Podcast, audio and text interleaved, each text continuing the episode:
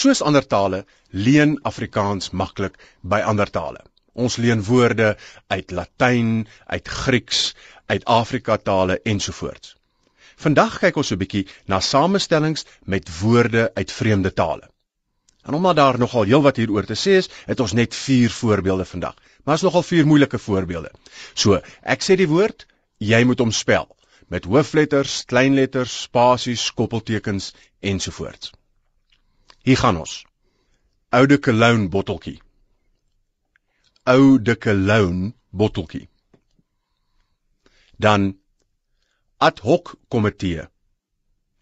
Ad hoc komitee. A cappella koor. A cappella koor. En laastens guerrilla oorlog. Guerrilla oorlog. Nou moet hierdie moeilike kwessies help, het ek weer oudergewoonte vir Tomme Klaglin, voorsitter van die taalkommissie en verbonde aan Unisa gevra om ons vandag te help. Goeiemôre Tom. Hallo Gerard. 'n Paar moeilikes hier. Is daar enkele beginsels waarmee jy kan help? Die belangrikste is dat ons met die meeste van hierdie vreemde woorde wat ons oorneem, samestellingsvorm en nie dat hulle los staan nie. Die tweede beginsel is dat ons gewoonlik die woord hou soos wat hy geleen word met die spelling van eau de cologne het ons 'n bietjie 'n probleem in die sin dat verskillende tale ver, uh, verskil oor die koppelteken gebruik. Uh, in Engels byvoorbeeld word daar dikwels nie koppeltekens gebruik nie. Maar in Afrikaans spel ons hom tradisioneel met twee koppeltekens aan weerskante van die de. En nou ja, dan het jy nou 'n keuse, jy kan 'n uh, koppelteken tussen cologne en botteltjie sit of jy kan kolonje en botteltjie vas op mekaar skryf. Daai kolonje kom of Cologne kom van die stad in Duitsland, nê, nee, maar ons skryf hom hier met 'n klein lettertjie. Hy word hier met 'n klein lettertjie geskryf. Uh die Afrikaanse weergawe van oor die kolonje is uh is Keelse water. So Keulen en Cologne is natuurlik dieselfde ding.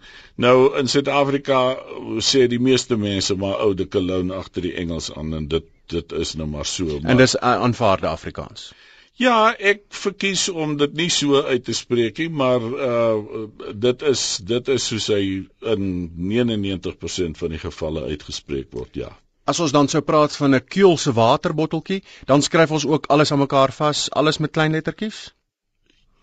Welkeelse word met 'n hoofletter geskryf uh omdat dit die gewone afleiding van die van die eie naam Keulen is.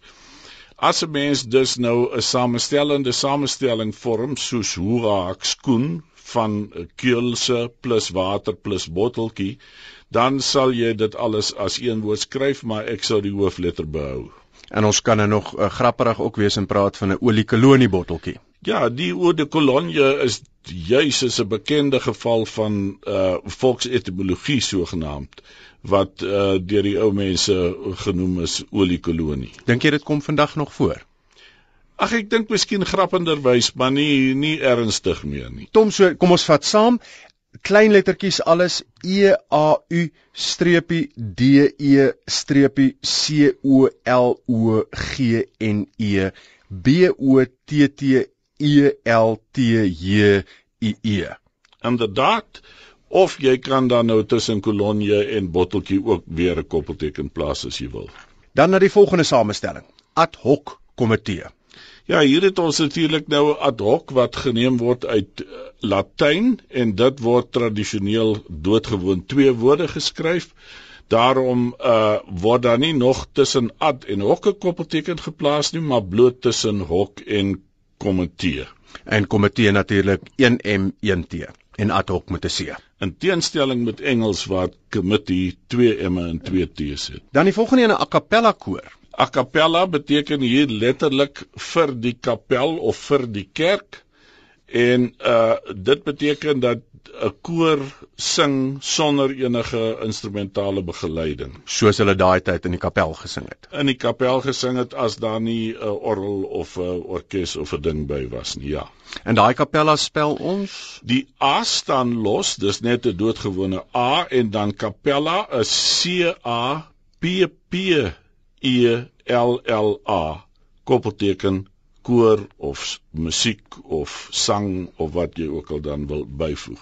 En die interessante ding is wat uh my vriend Ernst Kotse vir my vertel is dat indien Capella gespel sou word met 1 p soos wat 'n mens miskien sou verwag omdat ons 'n uh, Afrikaanse woord kapel net 1 p het, dan beteken Capella bokooi.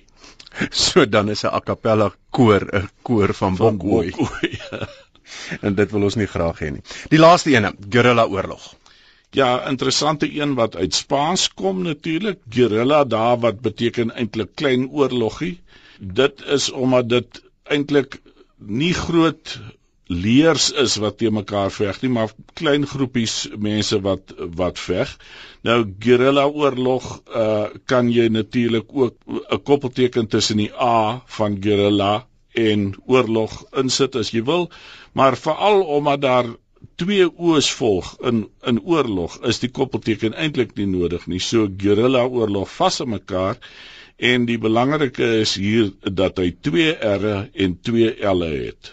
So G U E R R I L L A O O R L O G. Ja, en ek dink die belangrike is dat 'n mens dit nie met uh, die primaatspesie moet verwar nie. Ons praat nie nou van oorlog tussen ape nie.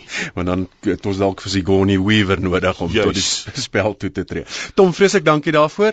Uh ek praat graag 'n volgende keer verder met jou. Dankie Gerard. As jy enige vrae het, kontak my gerus by taalvraag by rsg.co.za.